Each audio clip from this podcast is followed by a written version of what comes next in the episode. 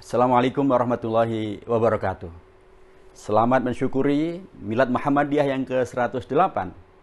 Istiqomah dalam berjamaah mengaktualisasikan keteladanan Rasulullah SAW menjadi solusi untuk masalah-masalah negeri bertahun menghadirkan umat Islam yang berkemajuan rahmatan lil alamin. Nasrul minallahi wa fathun qarib wa basyiril mu'minin. Assalamualaikum warahmatullahi wabarakatuh.